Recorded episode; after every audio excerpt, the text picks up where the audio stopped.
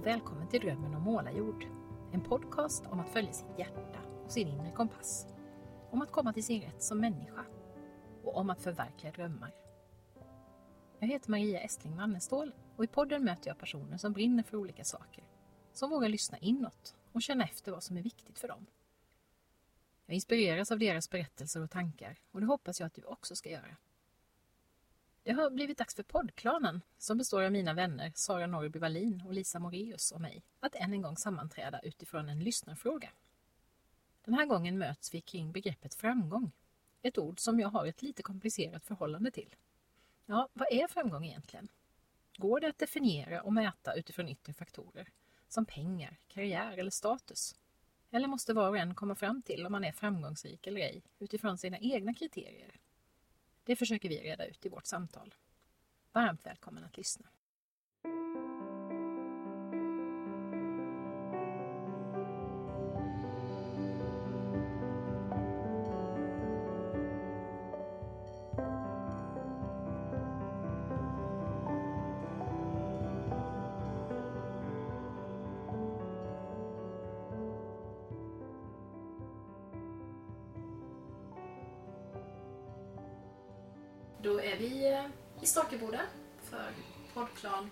Fyra kanske? Tror det. I alla Möjligt. fall alla Skulle kunna vi vara det, kanske. Eh, och vi ska ju plocka upp en fråga som eh, vi inte riktigt hann ta itu med förra gången. Mm. Nämligen det här med framgång och vad det är för någonting. För det har vi haft en lyssnare som undrade över hur vi så- såg på det begreppet just. Men vi börjar väl som vi alltid brukar börja. Nämligen med en liten kort incheckning. Lisa, vad vill du just nu? Ja, vad är jag just nu? Jag är i en soffa i Storkeboda och det känns väldigt bra. Eh, jo, men jag har det bra i mitt liv just nu. Eh, jag har ju gift mig alldeles nyligen. det var roligt. Eh, och rätt. Och, så jag känner, jag känner mig väldigt landad liksom, i, min, i den relationen med Thomas och i mitt liv sådär privat. Och jag känner också att eh, alltså i och med bröllop och lite andra grejer så har jag liksom, för mig sätter hösten igång nu känns det som. Eh, jag har visserligen gjort en del uppdrag redan och så men, men det känns som att nu har jag några månader framför mig när jag kan fokusera ganska mycket på mitt företag, företagande. Och det känns jätteroligt. Så jag har en hel del föreläsningar inbokade i höst som ska bli roliga kring ledarskap mest bland annat en, en ledarskapsutbildning för ideella ledare som jag ser jättemycket fram emot. Det ska bli jättekul. Och sen håller jag också på att utforska mer och mer det, den frågan som vi ska bubbla kring hela den här dagen på lite olika sätt. Eh, bland annat med start då i det här, i det här poddavsnittet. Det vill säga lite grann hur kan vi skapa ett liv där vi lever gott i dubbel bemärkelse. Både gott för planeten och för oss själva och för människor omkring oss. Eh, Den lilla frågan. Den lilla lätta knäcker vi idag. Precis, ja. Och sen tänker jag fortsätta nysta i den resten av hösten tänkte jag på olika sätt. Så att jag känner mig lugn och glad och full av tillförsikt och det ska bli väldigt roligt att prata framgång med er. Mm. Där är jag. Där är du.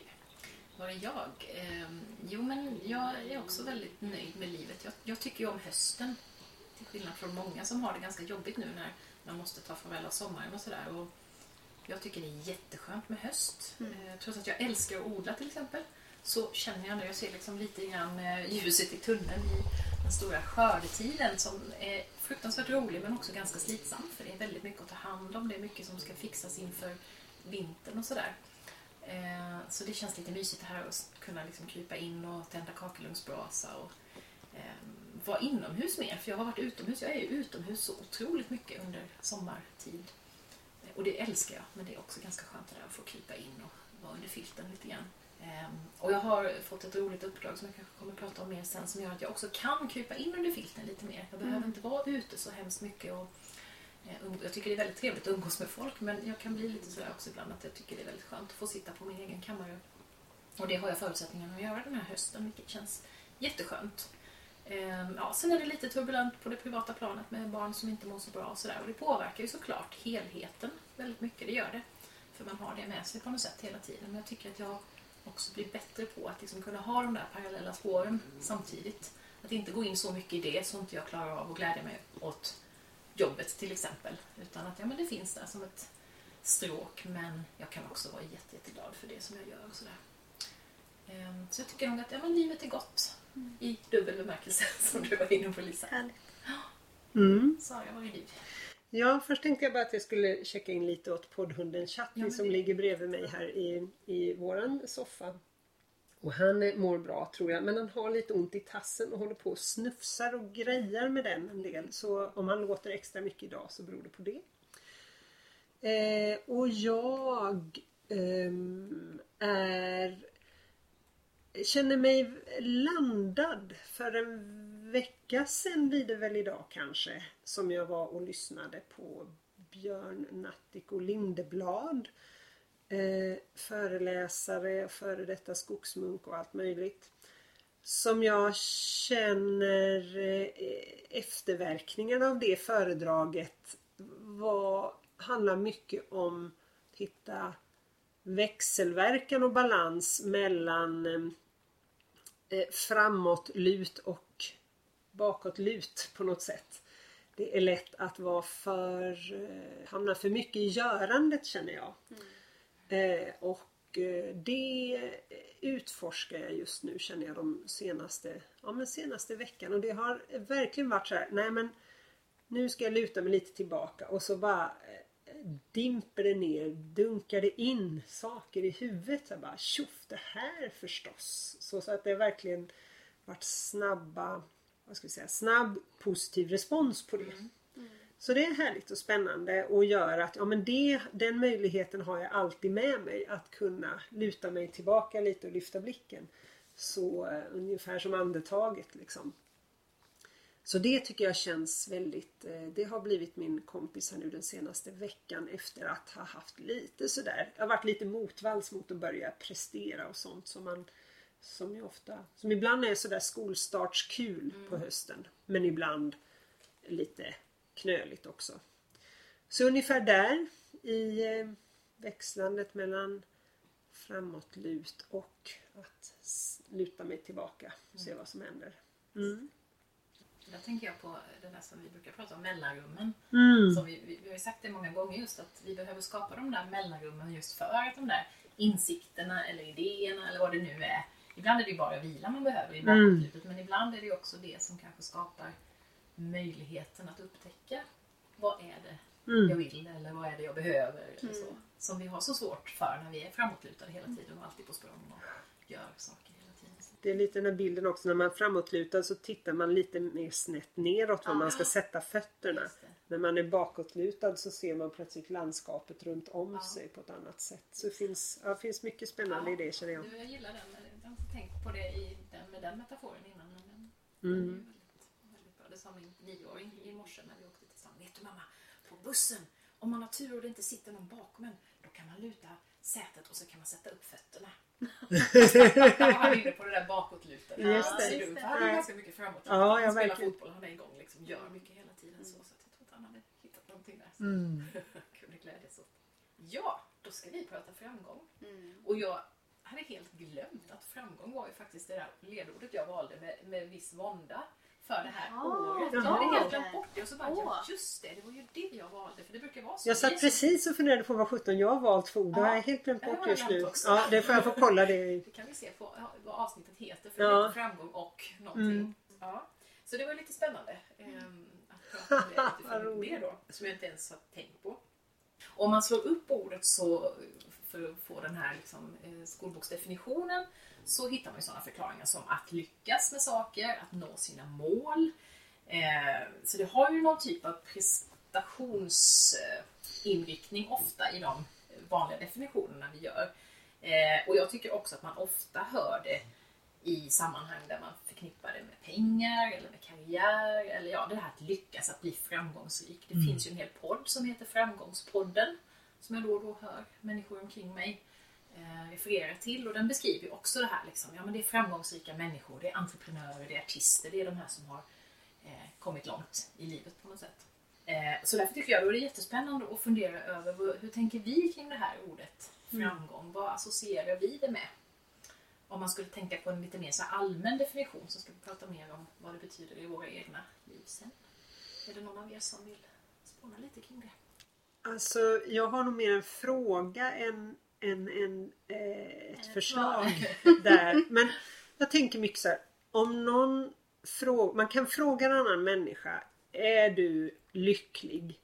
Och på något sätt så vet nog ändå, är det ändå rätt många som känner att de har någon slags kläm på om de är lyckliga eller inte. Det är någon helt liksom, det är en väldigt in, det är en skala man har inuti sig på något vis. Där man väldigt sällan jämför sig med andra. Och säger att en person är, eh, jag är nog inte lika lycklig som du. Ja det kanske man gör i och för sig. Men det är någonting med att ska jag tala om hur lycklig jag är så kollar jag ju inte och jämför med dig utan då kollar jag hur lycklig känner jag mig i förhållande till det lyckligaste jag varit och det minst lyckliga. Men det är något med framgång. Jag vet inte om det är, är det att vi använder det ordet som om det vore en sån där sak som det finns en skala när det faktiskt handlar när det ändå har en sån tydlig koppling till prestation. Det är någonting med det som gör det knepigt. Eh, ja, det där är förvirrat tror jag. Men, men det är någonting där som gör att jag har, jag har svårt att greppa det. Mm. Man, ja. Vem ska man... Vem Ja. förhåller man sig till i... ja men precis som att, att ja, finns det något som säger den personen är framgångsrik. Alltså som om det Kan gick att säga. Ja, som om det gick att säga utan att ha med i förhållande till vad då? vad är det personen vill lyckas med?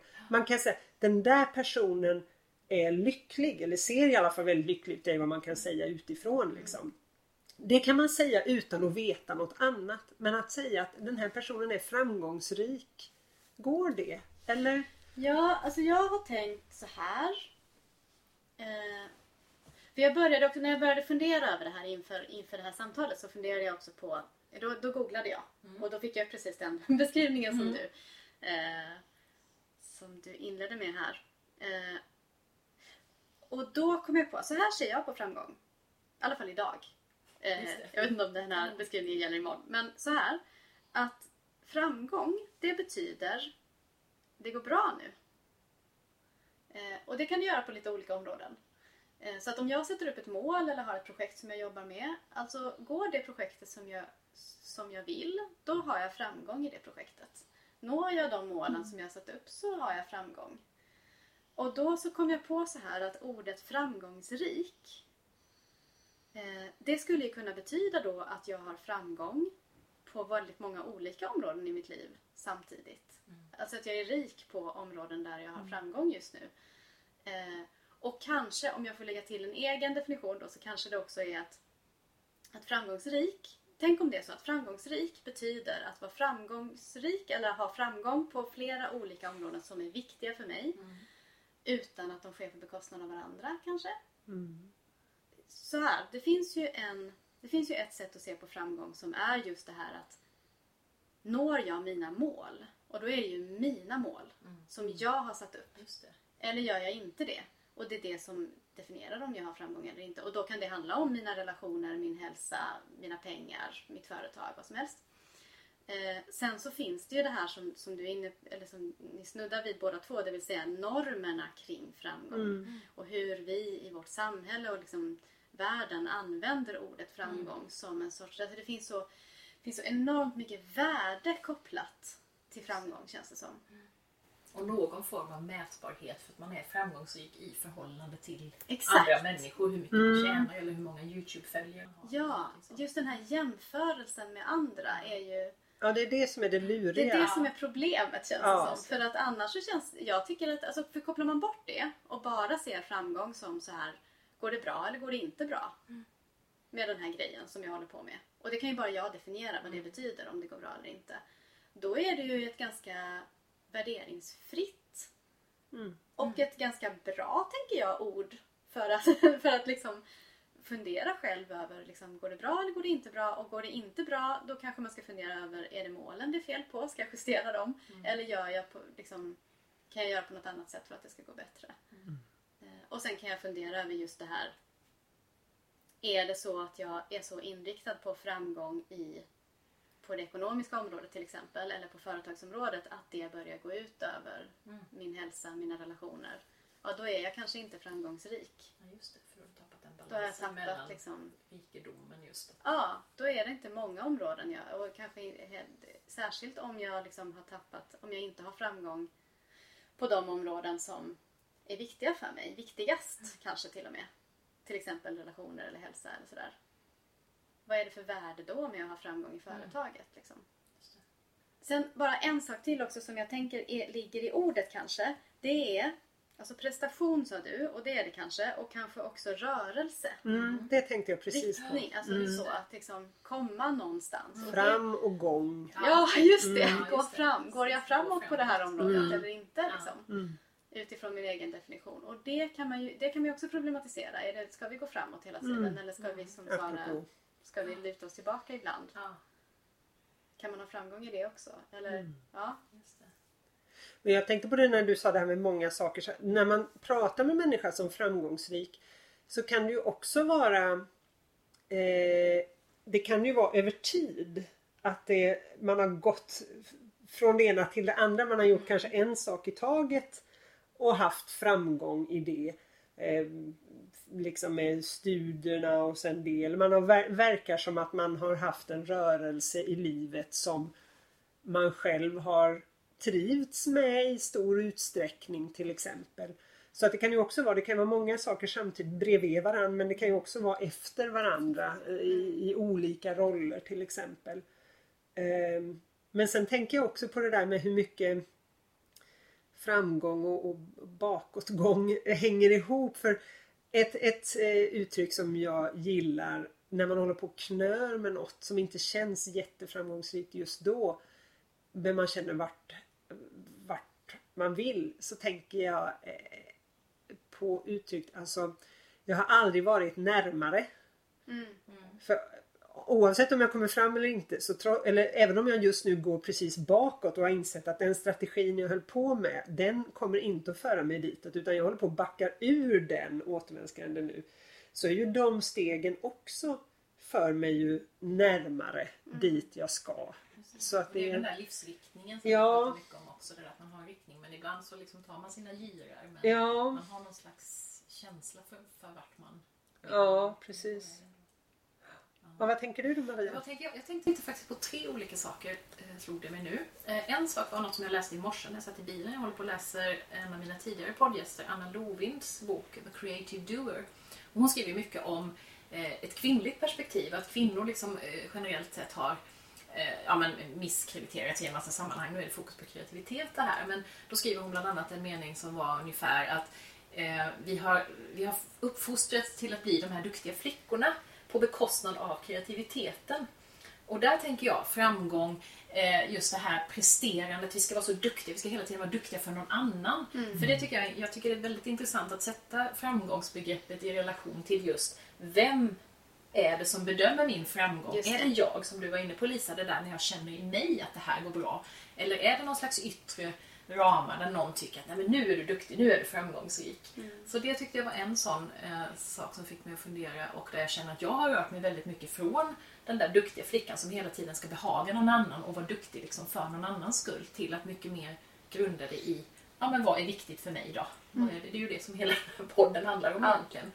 Eh, sen tänkte jag på något som Peter Elmberg, också en eh, tidigare poddgäst, sa. Han pratade om framgång utifrån Eh, inte då pengar som man till exempel ofta kanske definierar och karriär och sådär, utan just det här när man har möjlighet att hålla på med någonting som man känner är meningsfullt och roligt. Då upplever han att han har framgång och det där känner jag igen mig jätteväl. Ja. Och kan koppla till den tredje grejen då, nämligen det här japanska begreppet ikigai.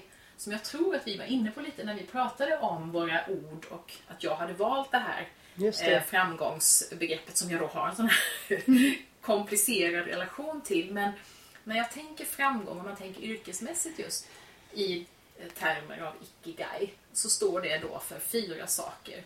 Man får hålla på med någonting som man tycker är roligt, någonting som man är bra på. Vi pratade tidigare här innan vi slog på mikrofonen om det här med att ha fallenhet för någonting. Eh, någonting som är bra för världen och någonting som man också kan leva på. När de där fyra, när man möter dem, då, det är vad jag lägger i begreppet framgång på ett kanske mer yrkesmässigt plan eftersom det där att kunna leva på någonting också eh, finns med i bilden. Men det då, när jag började tänka på framgång på det sättet snarare än utifrån de här yttre eh, andra människors bedömning av framgång. Mm. Då känner jag att då kan jag, om jag tänker på framgång som ikigai så, mm. så är det mycket lättare att, mm. att eh, ta till mig det begreppet. Att inte bara tänka det utifrån liksom, prestation och ja, eh, lyckas utifrån den där normbeskrivningen. Jag tänkte också på så här, kanske är det så att om jag kan, om jag kan scrolla igenom mitt Facebookflöde och se allas eh, bokreleaser och eh, andra eh, yttre tecken på då framgång ja. och känna mig genuint glad över allt det jag ser. Mm. Då är jag nog ganska framgångsrik. Mm. För då, då har jag liksom, för om jag inte är det, om jag känner att jag är liksom av banan, att jag, så här, jag gör inte det som jag vill göra och det går kanske inte så bra och det funkar inte det jag försöker göra och sådär. Eller för den delen när jag har glömt bort vad det är som jag strävar efter mm. och har börjat på något helt annat spår och sådär. Då när jag tittar vid Facebookflödet då blir jag ju bara avundsjuk på alla andra. Och så mm. tycker jag liksom att varför? Varför får hon ge ut en bok när inte jag? Varför liksom så? Mm. Eh, och att det är ett tecken på att jag att det inte går bra för mig på de områden som jag mer eller mindre medvetet har definierat som viktiga. Mm. Alltså det är ju lite som att ibland upptäcker man men gud här är jag på en fotbollsplan. Där borta spelar de hockey. Det verkar ju mycket roligare. Ja, just det. och det, eh, ja. Just det, vad är det? Hur framgångsrik jag än är på den planen så är jag på fel plan. Ja, liksom, för att... ja. Precis och det är det jag tycker som jag kände när jag var i universitetsvärlden. Jag var mm. ganska hyfsat framgångsrik där. Okej, jag fick inte de där jättestora forskningsanslagen och sådär. Men det gick ju ändå ganska bra. Jag mm. fick bra utvärderingar och folk var nöjda och sådär. Så utifrån ett yttre perspektiv så var jag ju framgångsrik. Mm. Men jag, var, jag spelade hockey när jag borde spela fotboll. Mm. Och det var ju när jag insåg det liksom, att, mm. att framgången inte sitter i eh, att jag får löneförhöjning eller forskningsanslag eller att någon klappar mig på axeln. Liksom. Utan, De här yttre gemensamt överenskomna markeringarna ja, av framgång. Just det. Alltså på något sätt så, jag undrar om det är så här. Vi har ju alla valt att starta eget mm. och driva eget företag. Jag undrar om en av nycklarna till att göra det framgångsrikt, vad nu det betyder. Men eh, en av nycklarna är kanske att reclaim, alltså återta eh, definitionen av framgång. Mm. Eh, därför att om, om man är inne på liksom att mäta sig själv utifrån samhällets måttstock ja. på vad som är framgångsrikt. Då är jag ju extremt oframgångsrik eftersom jag tjänar hälften av vad jag gjorde mm. Eh, och mm. inte alls har den statusen som jag hade då. Och då är det ju väldigt tufft att driva eget. Ja, visst. Och det är väldigt tufft att titta igenom sitt Facebookflöde. Ja.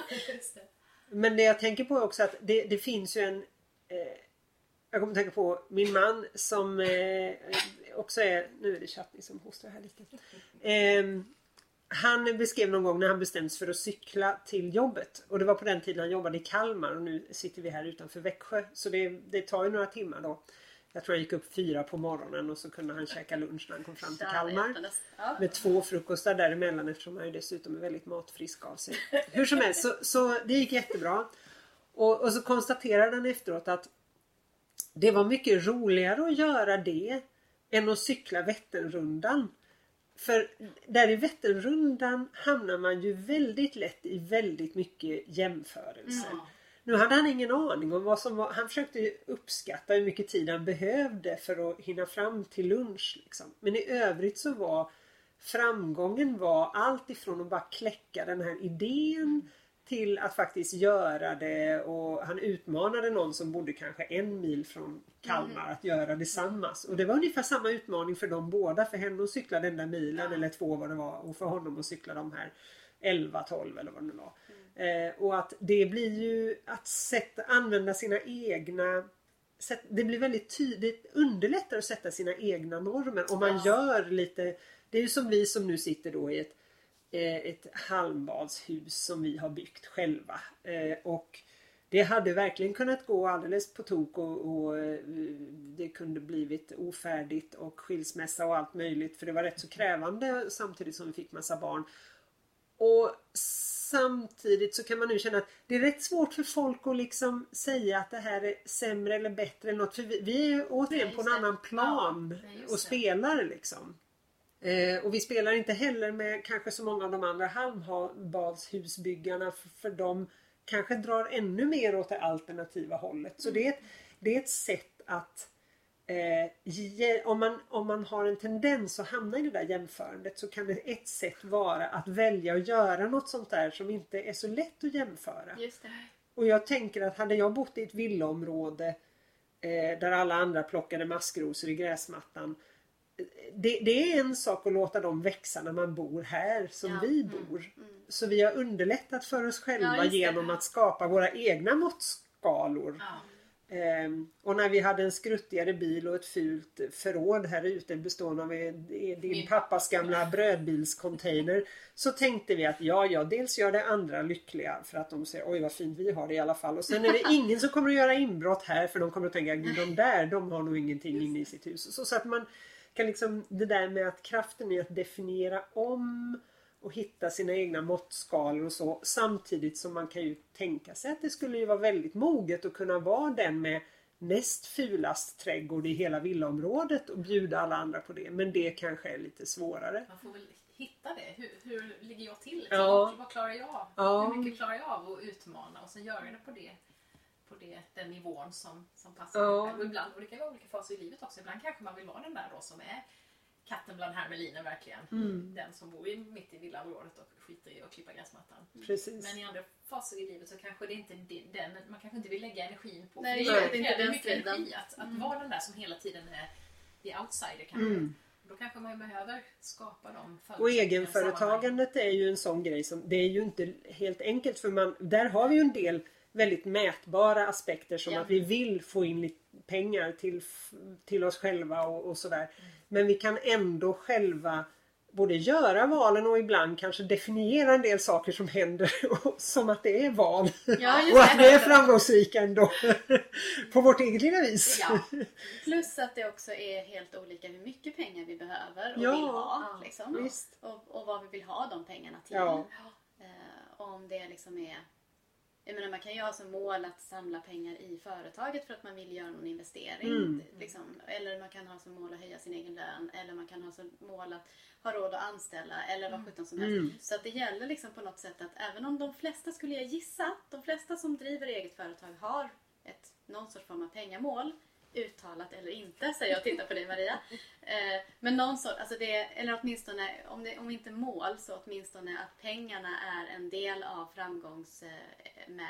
Alltså man mäter jo, för de, de frigör ju möjligheten att faktiskt Exakt. få hålla på med det man vill göra. Men däremot så går det inte. Det, man, ska, man kan liksom inte ta en bunt företag och så titta på deras omsättning och utifrån det avgöra vilket som är mest framgångsrikt. Nej. För det beror helt på vad målet är och vad planen är med de pengarna.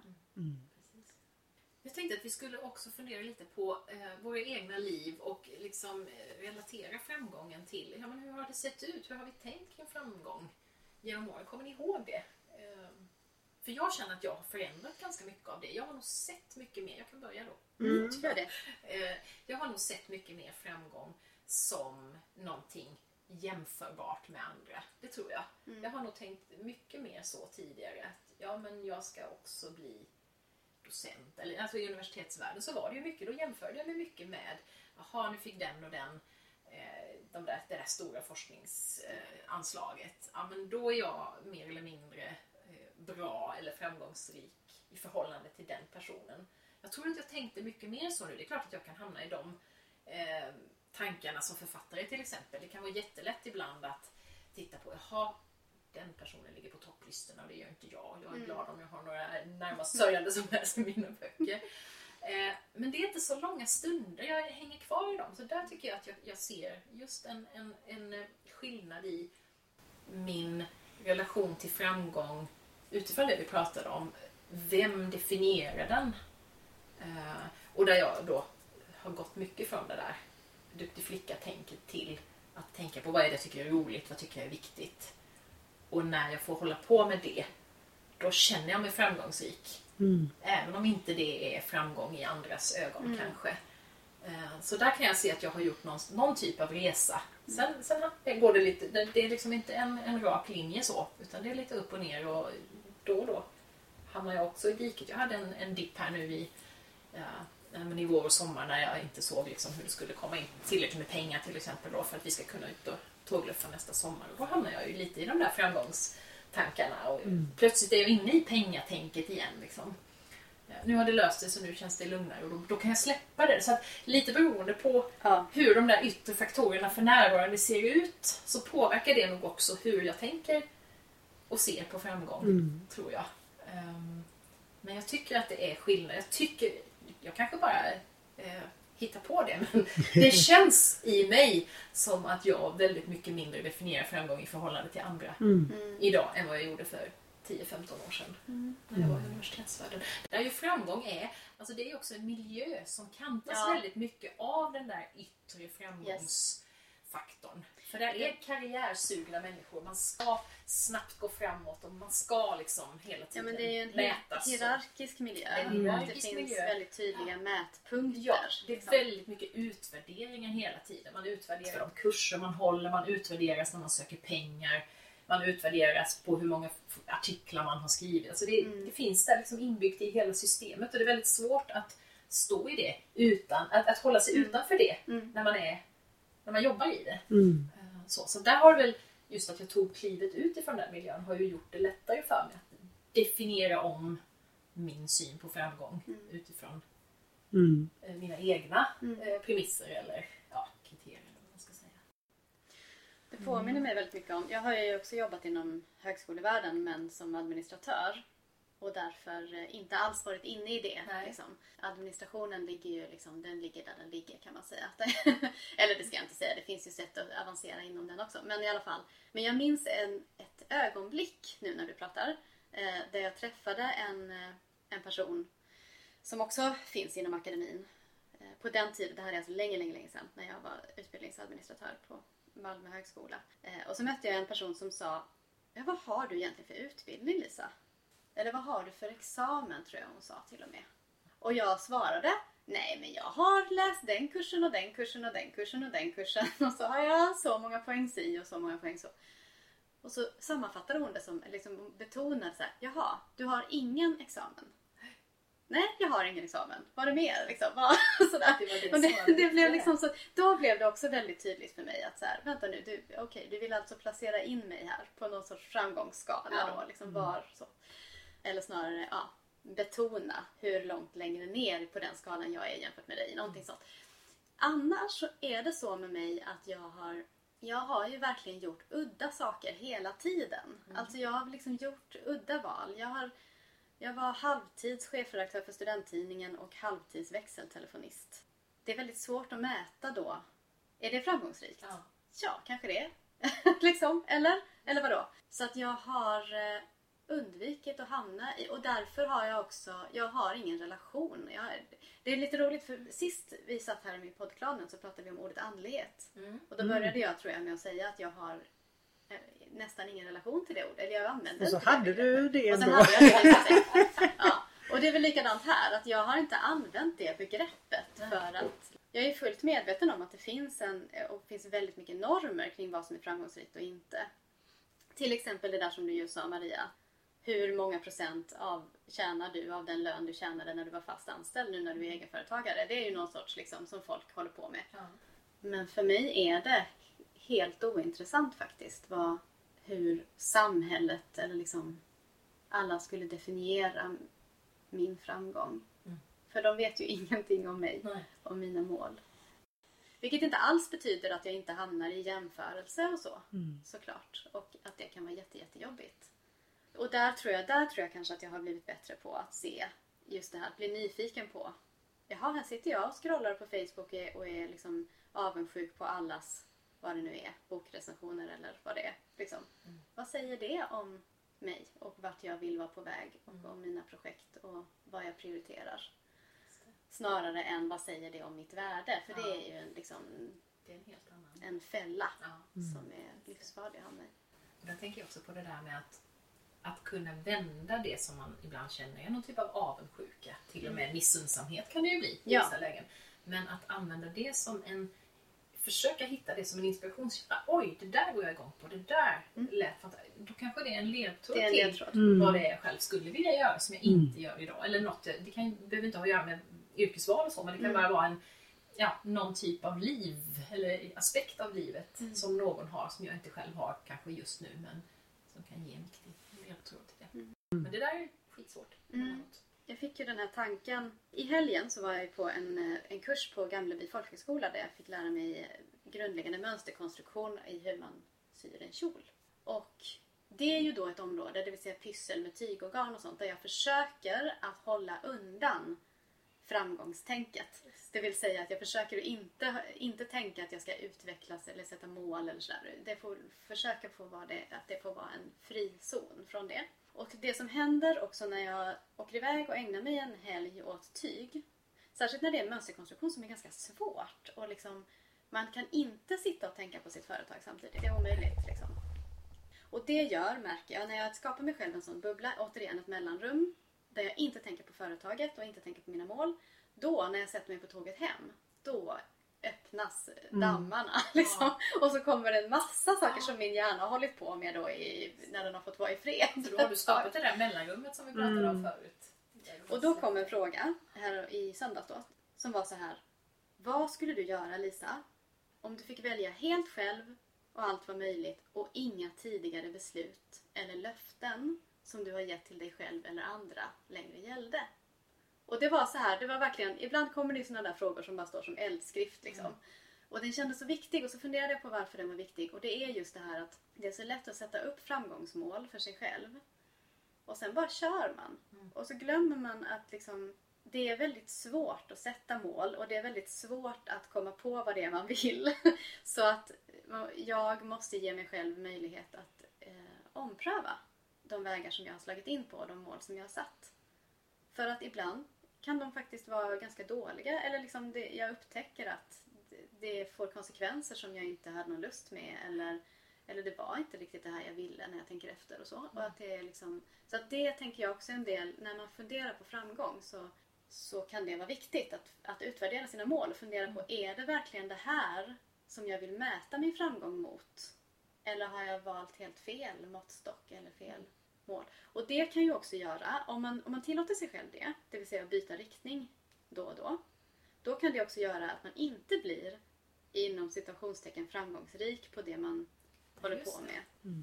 Därför att man byter hela tiden Ja. så man hinner liksom inte riktigt nå framgång. i- Och det behöver man kanske också fundera över. Är det okej då? Eh, Hur viktigt är det för Mm. mig att nå?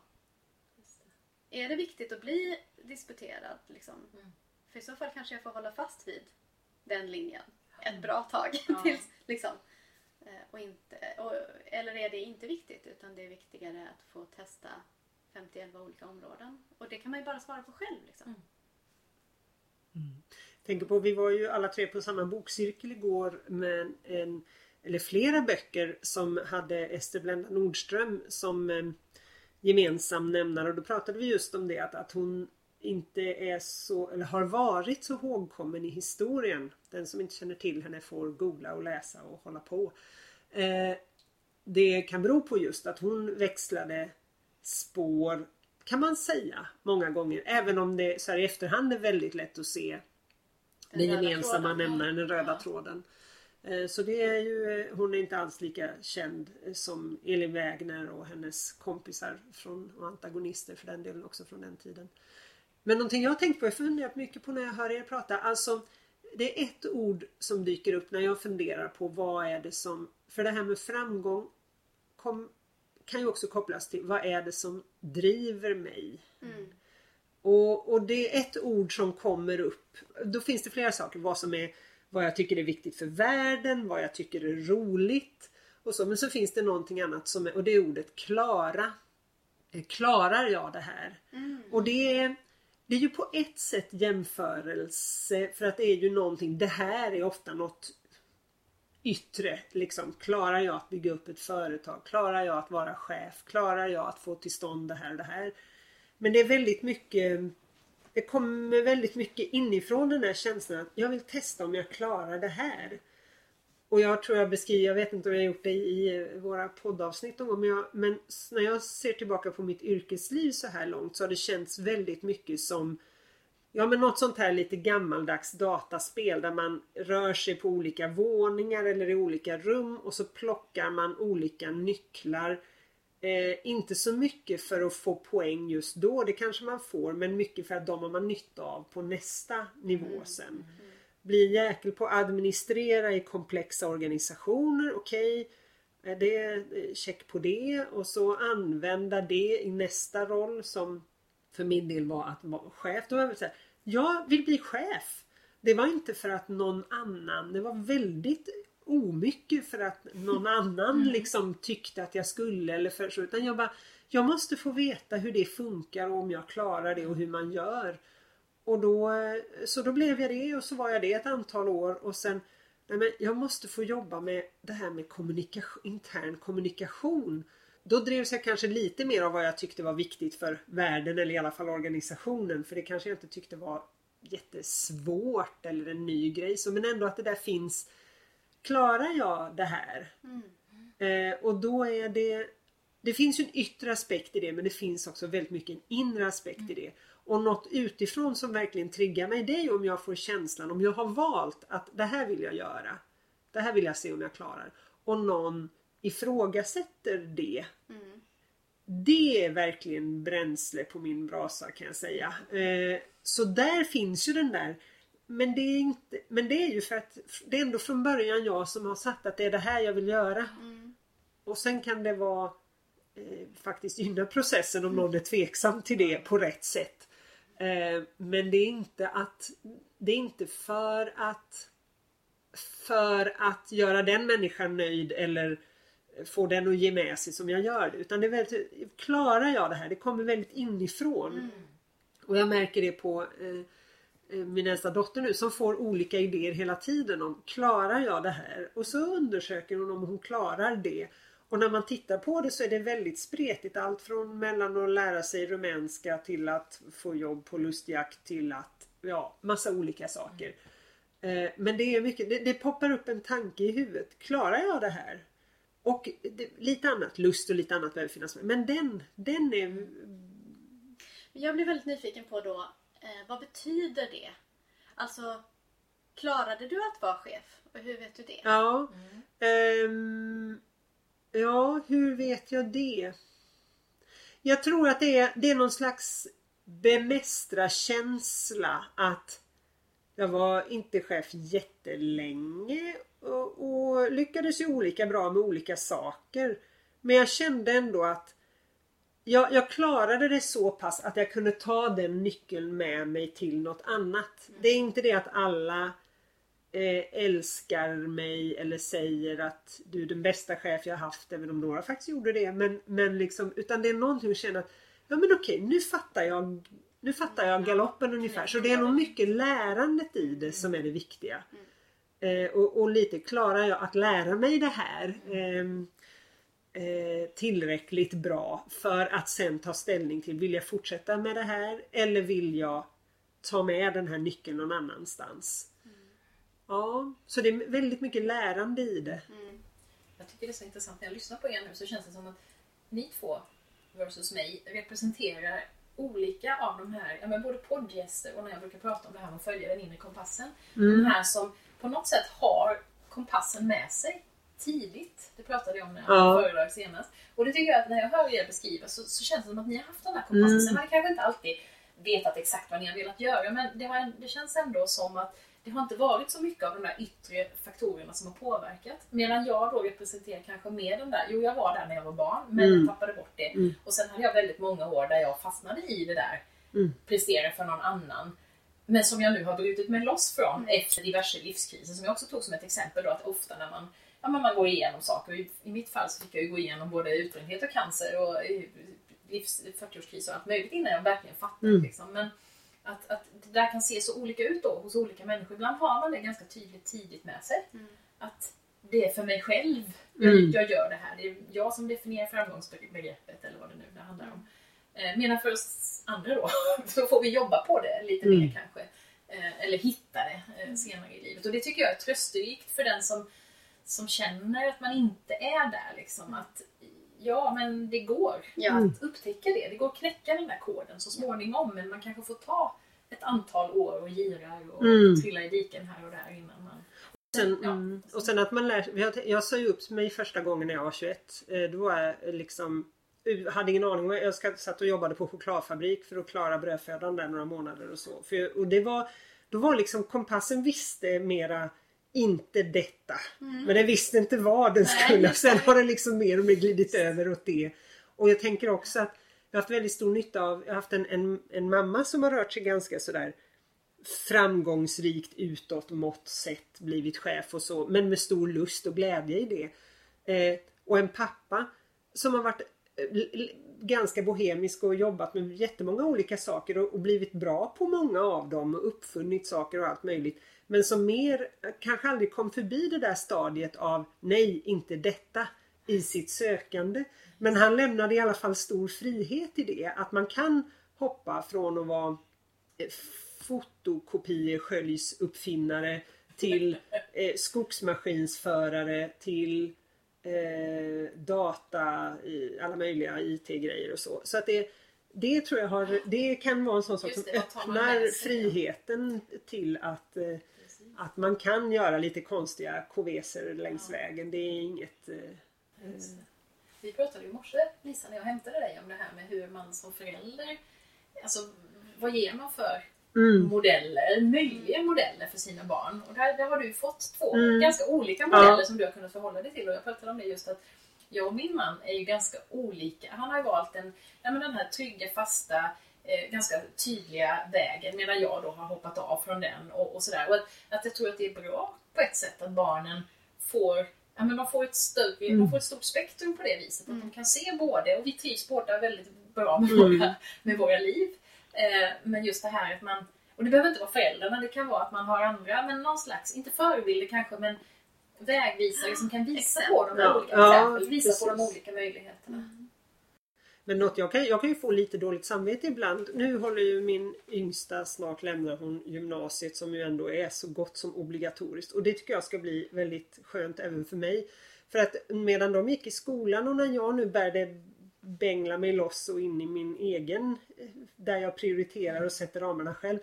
Så har jag tyckt synd om Ja. dem och de har tyckt synd om sig också. För att de har varit så bundna Ja. scheman, ämnen, eh, så mycket som... Det är klart det inte skulle vara lätt att hålla drivkraften om de inte hade det. Men ändå den där känslan att ja, men du får ju bestämma när du ska börja och vad du ska göra och, och sådär. Ja, Ehm, så ja. Ja. Jo men det är verkligen så. Det är väldigt olika. Mm. Olika sätt att, eh, att leva blir det ju. Beroende på vilken slags yrke man väljer. Mm. Ja. Man väljer ett som är mer fritt. eh, Liksom. Och, och samtidigt är det ju också ett, ett tungt ansvar i det. För då är det ju verkligen så att, att du går upp på morgonen varje dag och det är ingen som har satt målet åt dig. Nej. Det är ingen som... Det är bara du som vet om du är framgångsrik Ja. eller inte. Mm. Då. Och, Och det, det- passar ja, vissa. precis. Och Och andra passar Inte alls, inte. Och apropå nycklar som man hämtar så kommer jag ihåg det från sista tiden som anställd.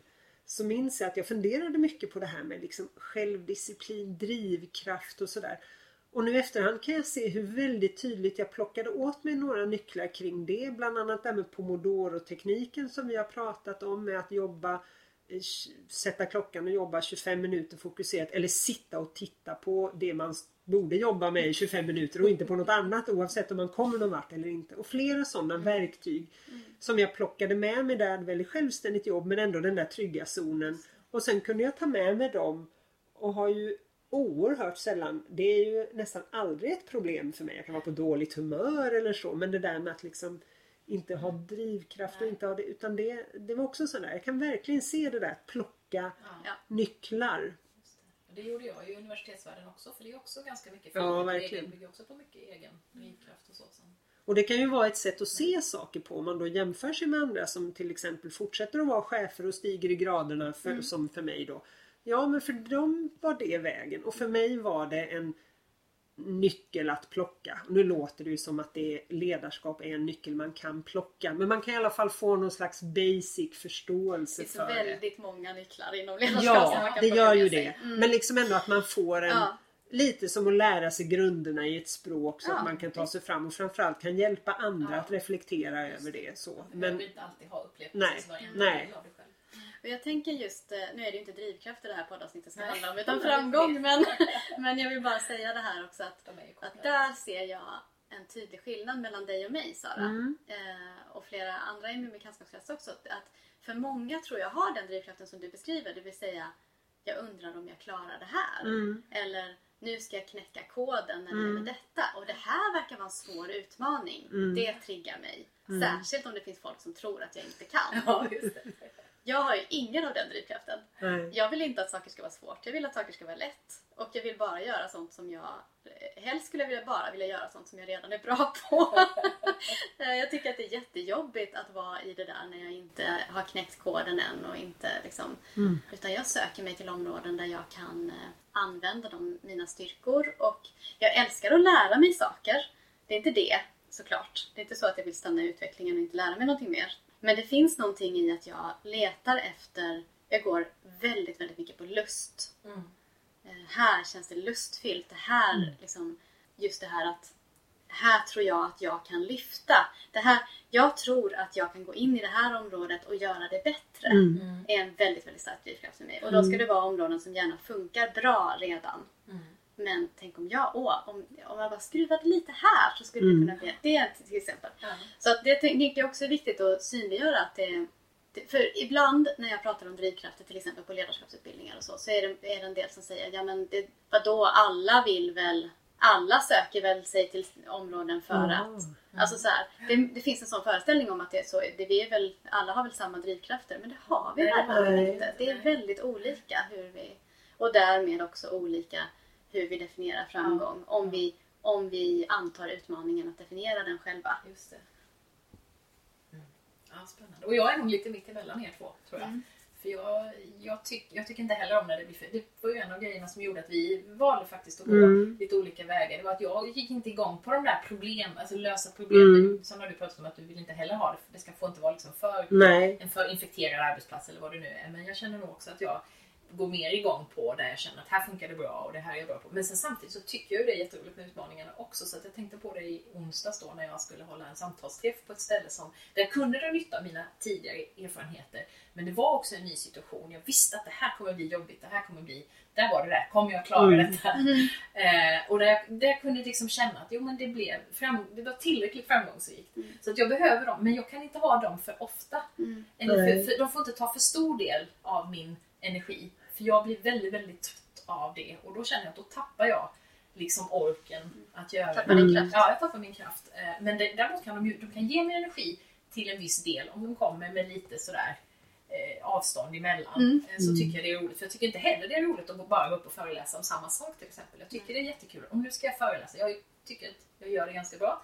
Men nu ska jag göra det inom ett nytt område. Och det Mm. triggar mig. Det är ju svårt. Kommer jag klara att Mm. presentera det här nu? Jag vet att jag kan liksom formen men kan jag det här nya innehållet? Så att någonstans det där, någon slags Mm. balans mellan utmaning och lust. Ja, men, och jag måste protestera lite nu Ja. för att jag är inte alls Bra. intresserad av att använda mina, utveckla mina dåliga sidor. Det är jag Nej. nästan helt ointresserad av. Men jag är intresserad av att de här styrkorna jag känner att jag har, kan jag formera dem i någonting som manifesterar sig utåt och som Ja. kanske inte är så lätt att få till. Att Yes. få ihop en grupp med eh, chefer eller andra som vill ha ett fördjupande erfarenhetsutbyte. Det är inte själva grejen att göra det som är det svåra. Utan det är att skapa ramarna och få till det. Jag vill också ha, göra sånt där det är som, är, eh, som jag känner att jag har fallenhet för.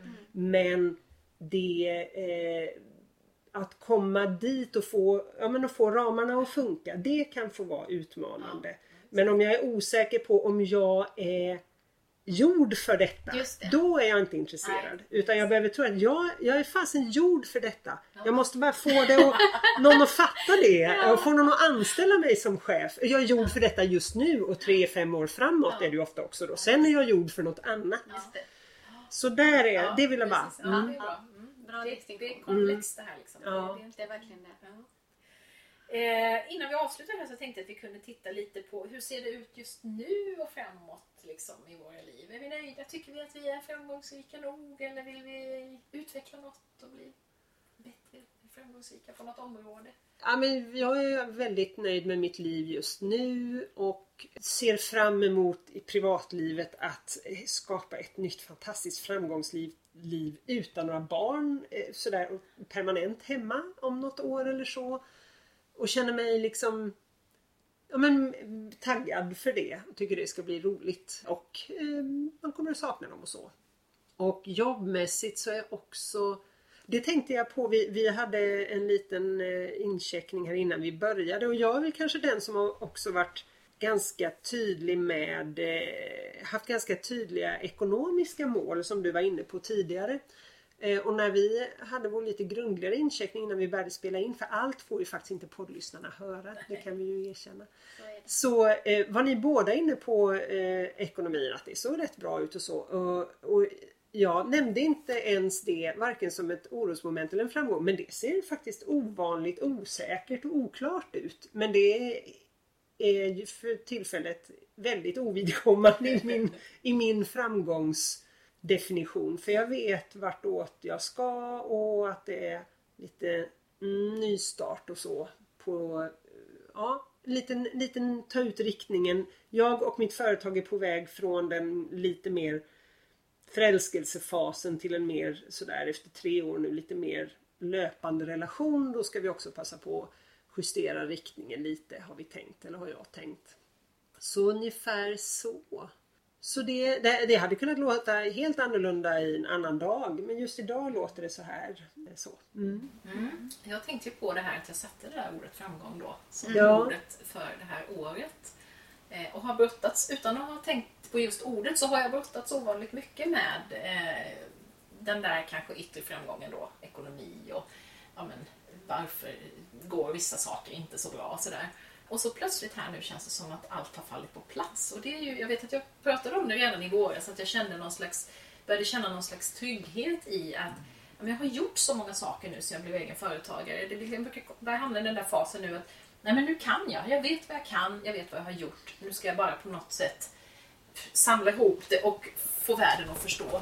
Eh, och nu känns det lite grann som att ekonomin börjar komma ikapp den typen av trygghet som jag pratade om då när jag började känna liksom att nej men, mm, nu har jag alla de här grejerna. Fast jag trodde att jag skulle få liksom jobba hårdare för att få folk att förstå det där. Det där med att sitta och mejla om föreläsningar och det ena med det andra. Och sen har det liksom bara plopp, plopp, plopp, plopp, plopp eh, dykt upp en massa bra saker. Så det är ju en ovanligt skön känsla om man tänker på framgång utifrån det perspektivet. För nu tycker jag att nu är jag väldigt mycket i det där ikigai just där jag har haft de tre bitarna på plats. Liksom. Jag tycker det är roligt, jag tycker jag är bra på det och eh, jag tycker jag gör bra saker för världen. Men jag kan inte leva på det, så har jag känt. Eh, och framförallt att mina gamla inkomster har börjat liksom dippa. För nu har, är det ju ett tag sedan jag var läromedelsförfattare. Jag har inte kommit med någonting nytt och då börjar saker bli, finnas på begagnatmarknaden och då säljer man mindre böcker och sådär. Eh, Så att nu känns det lite grann som att nu kommer vi ikapp även på spår nummer fyra här. Och det, så det känns väldigt... Och det känns ju, sen vet jag ju hur egenföretagarvärlden är. I vår kanske det liksom har dippat igen och så är det ju. Och det brukar vi skoja om att jaha, nu är du där uppe och nu är du... Alltså just det där, den yttre framgångsfaktorn då. Men, men just nu känns det väldigt eh, bra för att jag kan hålla på med det jag gör utan att behöva oroa mig för ekonomin just nu. Det känns skönt. Lisa, hur Ja, är det då? jo, jag eh, satte ju som mål i början av året. Jag ju för övrigt som, som tema i år att ta tillvara och skapa hette mitt årstema. Som handlar om att jag vet att det är någonting nytt som behöver hända eller som vill hända. Det vill säga att jag, jag vill skapa saker. Men jag vill också framförallt använda det jag har. Så. Och det går igen i en massa, även i återbruk, textilt återbruk och massa grejer. Hur som helst. Eh, jag satte som mål för året att jag skulle skriva en bok och att jag skulle skapa en, eh, en digital kurs eller coachingprogram eller så kring just det här självledarskap eller vad vi nu ska kalla det. Det här att leda sig själv. Hitta, skapa bra förutsättningar för sig själv. Och sen så ville jag dessutom skapa en kalender eh, ja, som man kan jobba med och som kan hjälpa en med just det här att hitta, hitta sin egen väg, och följa sin röda tråd och så. Inget av dessa saker har hänt och nu är det snart oktober. eh, och, eh, och jag satte ju upp de här tre målen också med full, fullt medveten om att jag kommer att hinna med högst en av dem. Kanske, kanske, kanske två. Aldrig tre. Eh, och jag valde att sätta dem ändå, för så gör jag ibland. Jag sätter mål och så vet jag att somliga av dem, vi får se vilket av dem som kommer att vinna kapplöpningen kan man säga. Och varför har de då inte hänt? Och grejen är att jag tror kanske, kanske att de inte kommer att hinna hända heller. Och det, jag säger, nu är jag väldigt öppen här med, liksom, för det, det här handlar ju om, man skulle kunna säga att jag inte är så framgångsrik i år om man tittar på mina mål och hur det går med dem. liksom. eh, jag har skrivit en halv bok ungefär. Jag har skrivit jättemycket text. Och sen har jag kommit på att det nog är en helt annan upp, upplägg på boken som jag vill ha, en helt annan ton och så. Så att den ligger på is tills jag har kommit på hur jag vill. Jag hoppas att jag kan använda väldigt mycket av det jag har skrivit. Men, så att det kommer en bok, men den kommer förmodligen inte i år eftersom jag behöver tänka lite först. Kalender ligger också på is. Det är allt jag tänker säga om det just nu. Fråga. när det gäller... Alltså jag har drömt om att göra en kalender i tiotals år så den kommer så småningom men den är inte riktigt här heller. Och när det gäller en digital kurs, det är där lite grann som jag har börjat känna att... Eh, alltså jag har börjat inse hur mycket jag gillar live-grejen. Alltså att stå inför en grupp eller att coacha en individ live. Det har jag insett och sen har jag också insett just det här hur, hur tråkigt jag tycker att det är att sitta och spela in filmer. Alltså det är lite så att, att göra en kurs digitalt, det är inte så mycket som att eh, planera och genomföra en föreläsning. Det är mer som att genomf- liksom planera och skriva en fackbok kan man säga. Alltså det, det är mycket mindre, jag har insett det när jag har jobbat med det här, att det är mycket mindre utbildning, alltså så som jag ser på utbildning, det vill säga stå i en, liksom, ja, jag saknar kontakten. Så därför så har jag backat lite och funderat på hur kan jag göra för jag älskar samtidigt den här tanken på att jobba digitalt och kunna nå människor som inte finns i Växjö. Så att det är den koden som jag håller på att knäcka nu. Alltså hur kan jag göra ett coachingprogram där jag kan ha med live-momentet och skapa i stunden med deltagarna. Men göra det digitalt. Alltså jag känner mig, om jag känner i hjärtat så känns det som att jag är på rätt plats och gör rätt sak, saker. Och det är ju någon sorts mått på framgång. Eh, Och samtidigt om man tittar på mina mål så...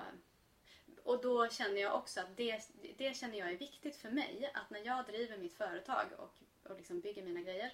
Då är det viktigt för mig att inte fångas i framgångsfällan. Att det får liksom inte bli så att målen hindrar mig från att göra det på det sättet som jag vill.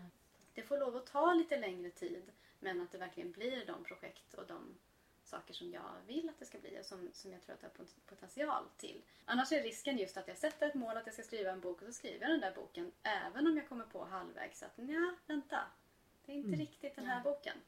Och då är det viktigt för mig att kunna bromsa och inte tvinga mig till en framgång som ju då inte längre är den framgång Nej. som, som Det har vi ju pratat om också, det här med att justera om kompassriktningen. Mm. Att inte det får bli en prestigegrej i det där. Att nu har jag bestämt det här så nu måste jag köra på det hållet. Mm. Utan, Nej, och så tänker jag också att Alltså det är- ju mycket det här, vad är det som är viktigt? Är det processen eller är det resultatet? Jag önskar att den här poddhunden kunde göra lite nytta och ta ett kort på oss tre där vi sitter i soffan.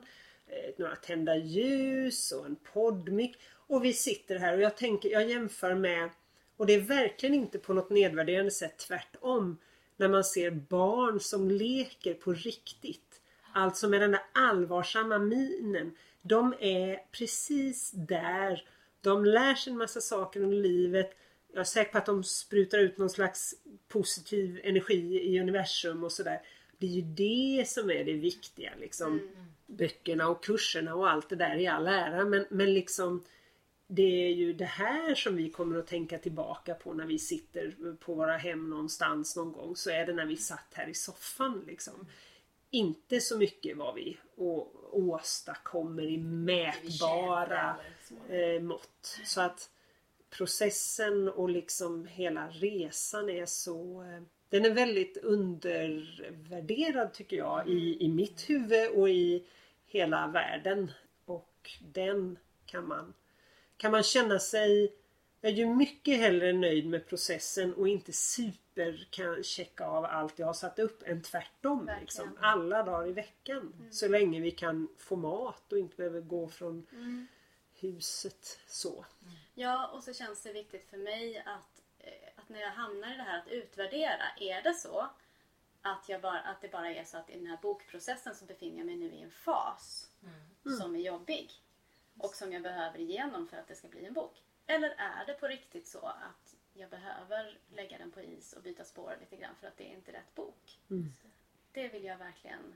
Jag vill se till att jag, att jag har den diskussionen på allvar med mig själv. Alltså flyr jag nu från ett projekt precis när jag håller på att bli klar med det därför att det känns lite jobbigt och det känns inte lika kul som det gjorde i början av projektet? Eller är det på riktigt så att det är dags att omvärdera Ja, kursen? jag ska ta på allvar. Och där tänker jag på en bok som både du och jag har läst, Drömliv av Case Ingvarsson och eh, Karin Nordlander. För den boken handlar ju om precis det där, att skilja på de där båda rösterna som hindrar oss. Är det egot som tycker att saker är jobbiga eller vi är rädda för någonting? Eller är det själen som faktiskt pekar ut att nej men det är inte dit du ska eller ja, här måste du omvärdera. Och det, det är ju jättesvårt men den tyckte jag hjälpte mig lite grann att få syn på de där båda rösterna och lite grann kunna analysera dem lite bättre så att man kan ha lite mer nytta av dem. faktiskt. Ja, vad säger ni? Är det dags att avrunda här eller? Har vi något medskick vi vill ge våra lyssnare? Nej, det, är väl, det skulle vara intressant att veta vad som, eh, vad som studsar in, stolpe in hos folk som, den som lyssnar. För det är det som är intressant. Vad, av det vi har sagt, vad är det som blir en tanke hos någon? Och vad, vad blir den tanken och vad kan du vad kan du göra med den eh, och använda den till? För det här är ju, är ju fria inspel som kan öppna för ja, kanske nya tankar och definitioner kring framgång och så Att kanske. kanske ställa sig den frågan, vad är framgång för just mig? Vad betyder det för mig och hur påverkar det hur jag och handlar? Mm. Ja. Då säger vi tack så jättemycket för den här gången. Vi kommer säkert tillbaka. Tusen tack. Tack så mycket.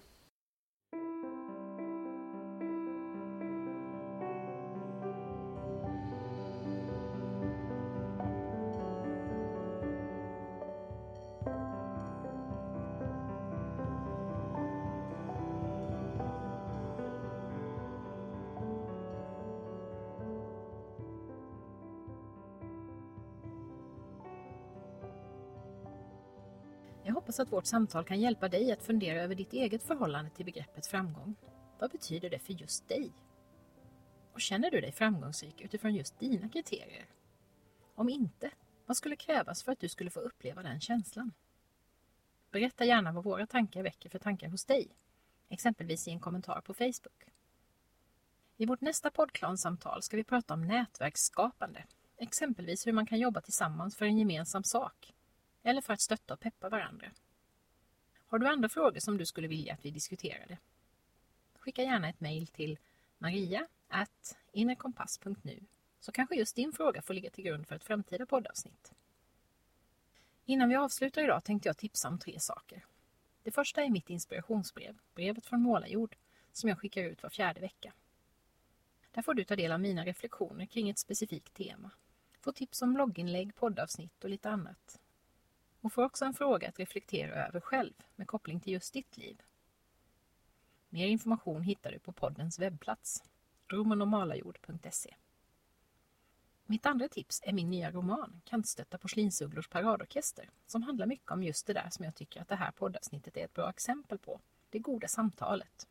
Fast med fokus på en samtalscirkel av kantstötta människor där samtalet får en viktig och läkande roll. Häromdagen besökte jag min första bokcirkel som hade läst boken. Med den första romanen hann jag ju göra en hel rad sådana besök. Och det är så kul att komma ut och få träffa mina läsare. Den 19 november blir det ett öppet bokcirkelsamtal på Café Muff i Älmhult under läsfestveckan i Kronobergs län. Kanske ses vi då? Eller kanske ingår du i en bokcirkel i Växjötrakten som skulle vilja läsa någon av mina böcker och få ett författarbesök på köpet? Läs mer på kompassforlag.se. Och så till sist tänkte jag berätta att det förhoppningsvis kommer att bli en ny inspirationsdag hemma hos mig i Målarjord till våren. I lördags körde vi den första. Och det blev en väldigt fin dag då åtta vackra själar gick på jakt efter ledtrådar till sina inre kompasser och prövade på reflektion i olika former. Enskilt, i par och i grupp. I skrift och i tal. Genom att lyssna och genom att samtala. Inomhus och utomhus. Vi pratade om tacksamhet, om livsriktningar och om att släppa taget om det vi inte behöver och som kanske hindrar oss att göra det vi verkligen skulle vilja göra. Skulle du känna att det kanske är din tur att vara med nästa gång får du gärna mejla mig på maria.inrekompass.nu så skickar jag mer information när jag vet när det blir av. Tack för att du har lyssnat idag och välkommen åter. I höst blir det lite glest mellan poddavsnitten eftersom jag har så himla mycket annat jobb. Men jag håller i alla fall på att boka in inspelningar med tre spännande poddgäster under november-december. Så håll ut så hörs vi framöver. Tänd nu många ljus och krama varandra i höstmörkret. Hej då!